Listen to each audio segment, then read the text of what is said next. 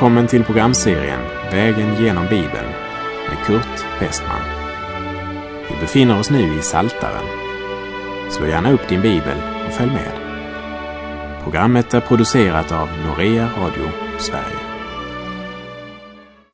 Vi avslutade förra programmet med att säga att en kristens primära uppgift är inte att vinna människor för Gud även om vi kallats till människofiskare. Men vi ska framför allt själva leva i Guds ord och så ge Guds ord vidare till andra. Det är den helige Andes uppgift att föra människor till Kristus. Vi befinner oss i den första salmen i Saltaren. De tre första verserna handlade om vad den saliga människan inte gör och vad hennes hjärta är upptaget av och vad resultatet blir av att leva i och av Guds ord. Han är som ett träd planterat vid vattenbäckar som bär sin frukt i sin tid och vars löv inte vissnar. Och allt vad han gör, det lyckas väl vars löv inte vissnar, stod det också i vers 3. Den som går ut ifrån synden och världen och blir född på nytt genom Herrens ord bär inte bara rik frukt i sin tid, utan det märks också när det gäller det yttre, det som är synligt för vårt rent kroppsliga öga.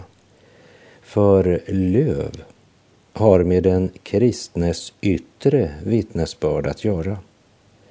Och det ska alltid vara synligt. Löven vissnar aldrig. Trädet bär frukt i sin tid, men löven grönskar alltid. Löven kan man alltid se. Så är det, säger salmisten, med den som blivit uppryckt med roten ifrån världen och av Gud planterad vid hans källor. När fariséerna och de skriftlärda frågade Jesus varför bryter dina lärjungar mot de äldstes stadgar? De tvättar inte händerna innan de äter. Då svarade Jesus varför bryter ni mot Guds bud för era stadgars skull. Och sedan kallar han dem hycklare och säger att profeten Jesaja profeterade rätt om dem när han sa Detta folk ärar mig med sina läppar, men deras hjärtan är långt ifrån mig. Förgäves dyrkar de mig, eftersom de läror de förkunnar är människors bud. Och så säger Jesus vidare i Matteus 15.13. Varje planta som min himmelske fader inte har planterat ska ryckas upp med roten. Det var människor med stor teoretisk kunskap och som uppträdde som andliga poliser och nitiskt värnade om den speciella bekännelse de hade i sin församling och om alla de regler man hade gjort sig. Men de hade inte sin lust och glädje i ordet. Nej, glädje var väl närmast ett ord som inte fanns i deras ordlista. De var inte planterade vid Guds källa som hade vatten till fyllest. De hade bara stor teoretisk kunskap. Och Jesus säger att det var dem Jesaja profeterade om i Jesaja kapitel 29.13. Och därefter säger han att varje planta som min himmelske fader inte har planterat ska ryckas upp med roten. Här fanns det tydligen rikligt med löv. I alla fall när det fanns någon som kunde lägga märke till dem och beundra löven. Men de bar inte frukt i sin tid. Det var bara det yttre vittnesbördet. Men vi ska lägga märke till att salmisten sätter inte upp frukt och löv som en motsättning. Tvärtom. Trädet som är planterat vid vattenbäckar bär frukt i sin tid och löven vissnar inte. Ett normalt fruktträd har inte bara frukt, det har också löv. Och omvänt, det har inte bara löv, det bär också frukt i sin tid. Både frukt och löv är en naturlig del av ett fruktträd. En man kom till en större stad. En söndag morgon så gick han till en kyrka som han hade lagt märke till vid ankomsten till stan. När han nu kom fram till huvudentrén med sin flotta portal så kunde han på den läsa uthugget i sten. Här är porten till livet. Men när han kom närmare såg han en liten lapp fäst på dörren. Där stod det stängt 1 juli till 30 augusti. Och allt för ofta så är det ungefär så även i livet hos en enskild kristen. Men det borde det inte vara. Du är alltid grön. Löven är ditt yttre vittnesbörd som du bär här i världen för Kristus. Och dina löv vissnar inte om du är planterad vid bäcken. Dessutom så sa vers 3 också, och allt vad han gör, det lyckas väl. Under det gamla förbundet, det vill säga på Gamla testamentets tid, lovade Gud materiell välsignelse åt sina barn. Dessa materiella välsignelser är inte utlovade åt den troende idag. Även om Gud har omsorg om sina barn och ger oss dagligt bröd. Har du fått uppleva materiell välsignelse så tacka Gud för det. Du har fått mer än vad han lovat. Men han har lovat att vara med dig alla dagar in till tidens ände. Jag läser i Matteus 6, verserna 31 till 33 där det står Gör er därför inte bekymmer och fråga inte vad ska vi äta eller vad ska vi dricka eller vad ska vi klä oss med? Efter allt detta söker hedningarna. Men er himmelske fader vet att ni behöver allt detta.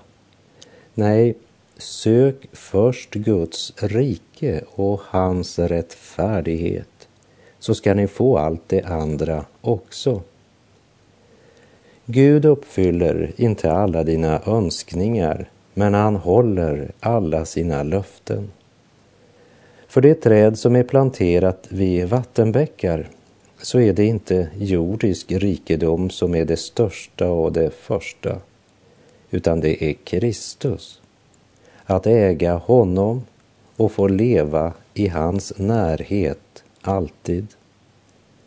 Den som har sin lust i Herrens lag, söker först Guds rike och hans rättfärdighet, vilket Jesus uppmanar oss att göra när han håller sin bergspredikan.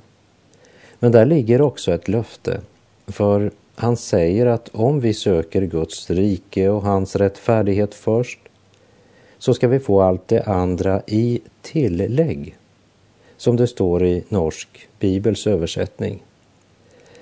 Men i vår materialistiska tid blir ofta tillägget huvudsak. Vi blir så lätt upptagna av det materiella och av allt som vi vill ha. Och då blir huvudsaken fort bara ett tillägg. Då blir Gud bara en livförsäkring som ska ge oss trygghet.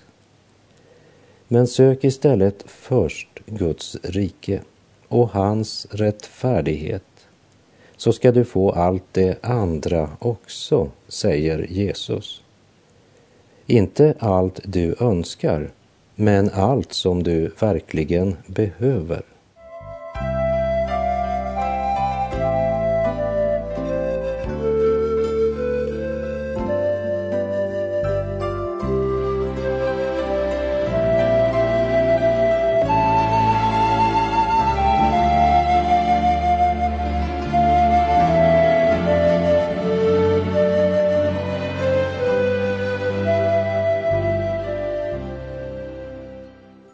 Vers 3 avslutas med orden och allt vad han gör det lyckas väl. Det står inte att han har inga motgångar. Inte heller står det att han är fri från svårigheter och prövningar. Men hans gärning lyckas och han bär frukt i sin tid. Det kan ingen hindra. Allt vad han gör lyckas väl. Håll fast på det löftet, min vän. Och bedöm inte uppfyllelsen bara med vad du ser med dina ögon, utan se det i ljuset av Guds ords samlade vittnesbörd.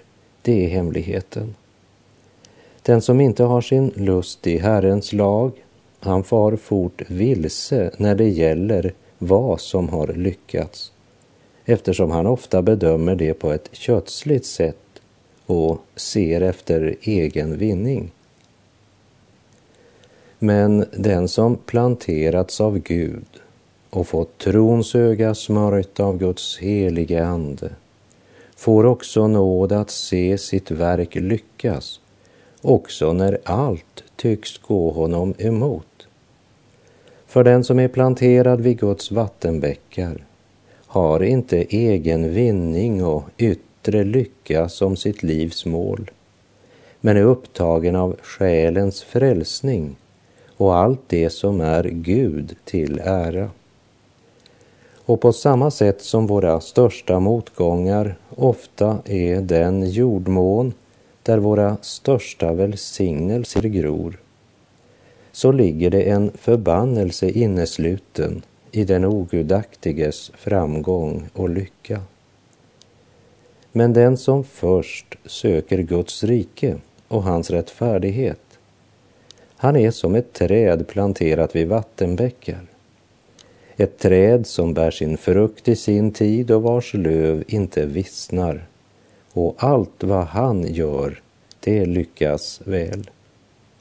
Så är det inte med det ogudaktiga, utan det är som agnar som vinden bortför, säger Saltaren 1, vers 4.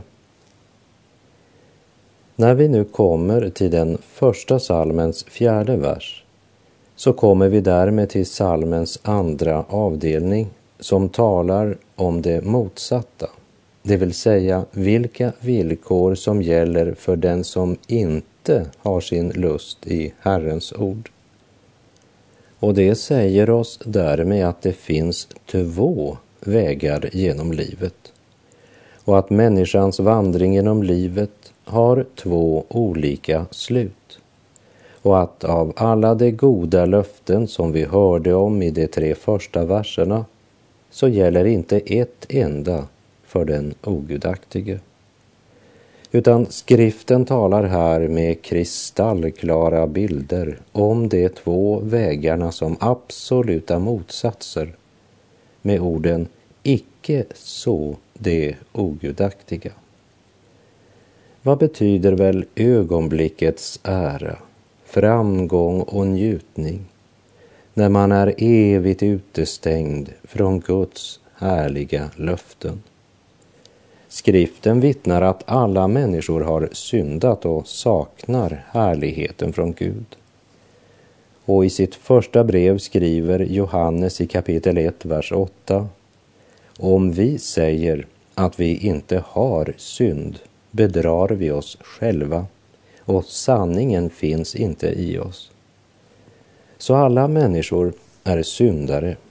Ändå är det två sorts människor som vandrar genom livet på väg mot evigheten. Den ena gruppen är förlorade syndare. Den andra gruppen är frälsta syndare. Det vill säga benådade syndare, benådade därför att de tagit sin tillflykt till Kristus.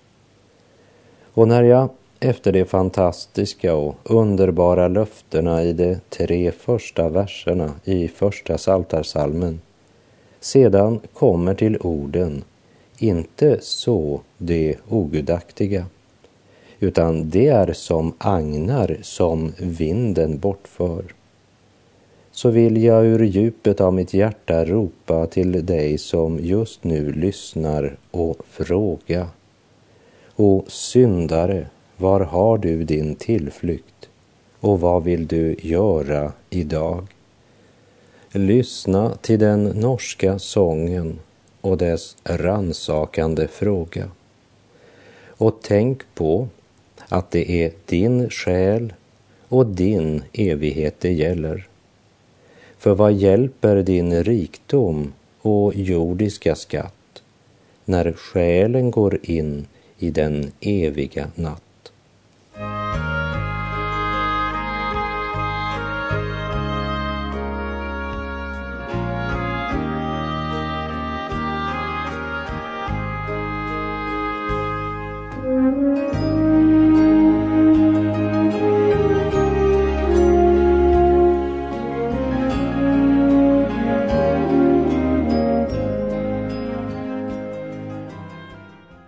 Vad gagnar din jordiska rikdom och skatt när själen går in i den eviga natt och du bortförs som agnar för vinden? Lyssna inte till alla ogudaktiga röster i vår tid. Låt dig inte bedras av ditt eget syndiga hjärta utan lyssna till den första salmens väckelserop. Träd inte in på syndares väg.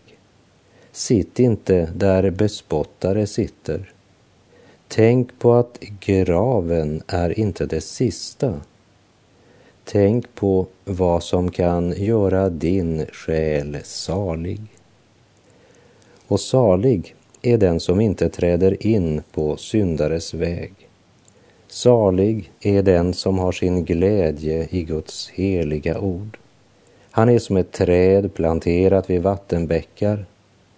Men inte så det ogudaktiga, utan de är som agnar som vinden bortför. Det vill säga, hela deras liv var bara som ett skal utan verklig kärna. Och när de vid livets slut skalas av är de så lätta att de förs bort med vinden. Det var bara skalet. Hur imponerande det än kunde se ut medan de levde så visade det sig när dödens avslöjande stormvind kom att det var bara ett skal och man fördes bort som agnar. Den eviga sanning som man inte ville tro och som man så envist förnekade kunde man inte längre undgå att möta. Nu stod man inför evigheten och domen och tiden hade kommit då man skulle skörda vad man hade sått. Avskalad, avklädd stod man inför den allsmäktige utan frälsare man hade bedragit sin själ. Man hade missat kärnan, missat själva meningen med livet. Och nu var det för sent. Vilken fruktansvärd upptäckt. Vi läser Saltaren 1, vers 5. Därför skall det ogudaktiga inte bestå i domen ej heller syndarna i det rättfärdigas församling. Vägen hade sett så imponerande ut, så bred, så inbjudande att man vägrade tro skylten som sa att det var en återvändsgränd. Den verkade ju så lång, så någonstans måste den ju leda. Om det verkligen var en återvändsgränd så skulle man nog sörja för att svänga in på en annan väg längre fram och bara följa den breda och inbjudande vägen ett litet stycke. Det ska nog gå mig gott till sist. Men när man minst av allt hade väntat det var vägen slut. Och nu var det ingen väg tillbaka. Loppet var kört. Vägen var slut och man hade valt fel väg. Man hade vänt Gud ryggen och gått sin egen väg genom livet, men nu hade den vägen tagit slut. Nu var det inte längre någon som förkunnade nådens evangelium. Ingen som längre erbjöd syndernas förlåtelse och evigt liv. Nu var vägen slut. Och tiden för dem hade kommit. Det var ingen hjälp i den jordiska rikdom och skatt. För nu gick själen in i den eviga natt, dit aldrig en strimma av ljus ska nå. När man vandrade genom livet så hade man sagt att det är svårt att vara säker på vad som är rätt och vad som är orätt. För man ville inte lyssna, man ville vandra sin egen väg. Men Gud är säker på vad som är rätt och vad som är fel. Och hans ord förändras inte med varje ny filosofi eller alla ogudaktiga vindar eller människors skiftande meningar. Vi översvämmas av ursäkter och bortförklaringar serverade av falska herdar som inte är sända av Gud utan som bara själva har löpt iväg. Och i Jeremia 23, vers 21 säger Herren, jag talade inte till dem, utan själva profeterade det. Vi läser ifrån Jeremia 23, verserna 16 till och med 18. Så säger Herren Sebaot, hör inte på de profeters ord som profeterar för er, ty det bedrar er. Sina egna hjärtans syner talar de, inte vad som kommer från Herrens mun. Det säger allt jämt till dem som föraktar mig. Herren har så talat, det skall gå er väl. Och till var och en som vandrar i sitt hjärtas hårdhet säger det, ingen olycka skall komma över er.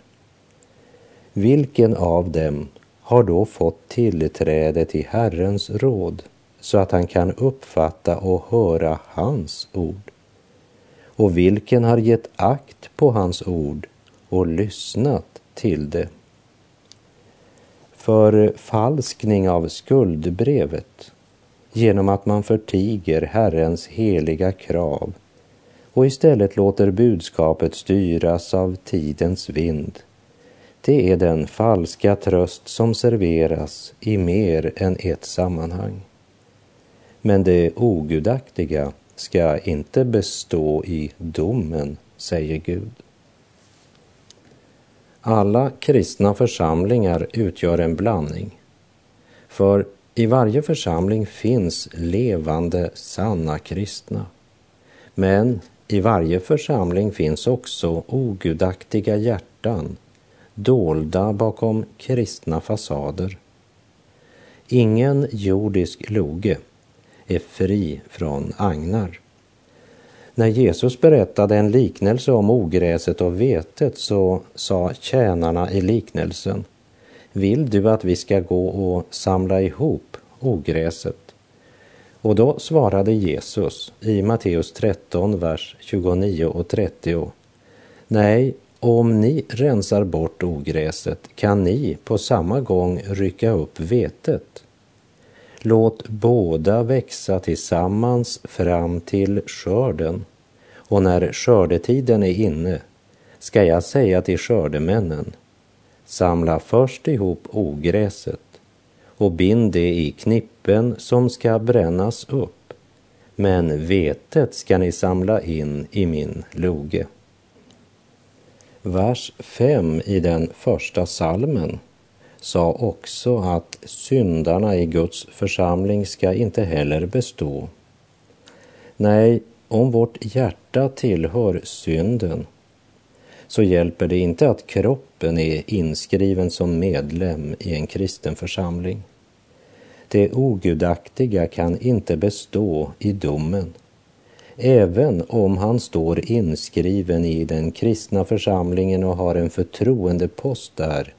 För Gud känner våra hjärtan. Hebreerbrevet 4.13 säger Inget skapat är dolt för honom, utan allt ligger nakent och uppenbart för hans öga och inför honom måste vi stå till svars. Och den sanningen sammanfattar den första salmen i vers 6 med orden Ty Herren känner det rättfärdigas väg, men det ogudaktigas väg förgås. Gud låter inte jäcka sig. Vad en människa sår, det ska hon också till sist skörda. I Matteus 7, vers 13 och 14 står det Gå in genom den trånga porten.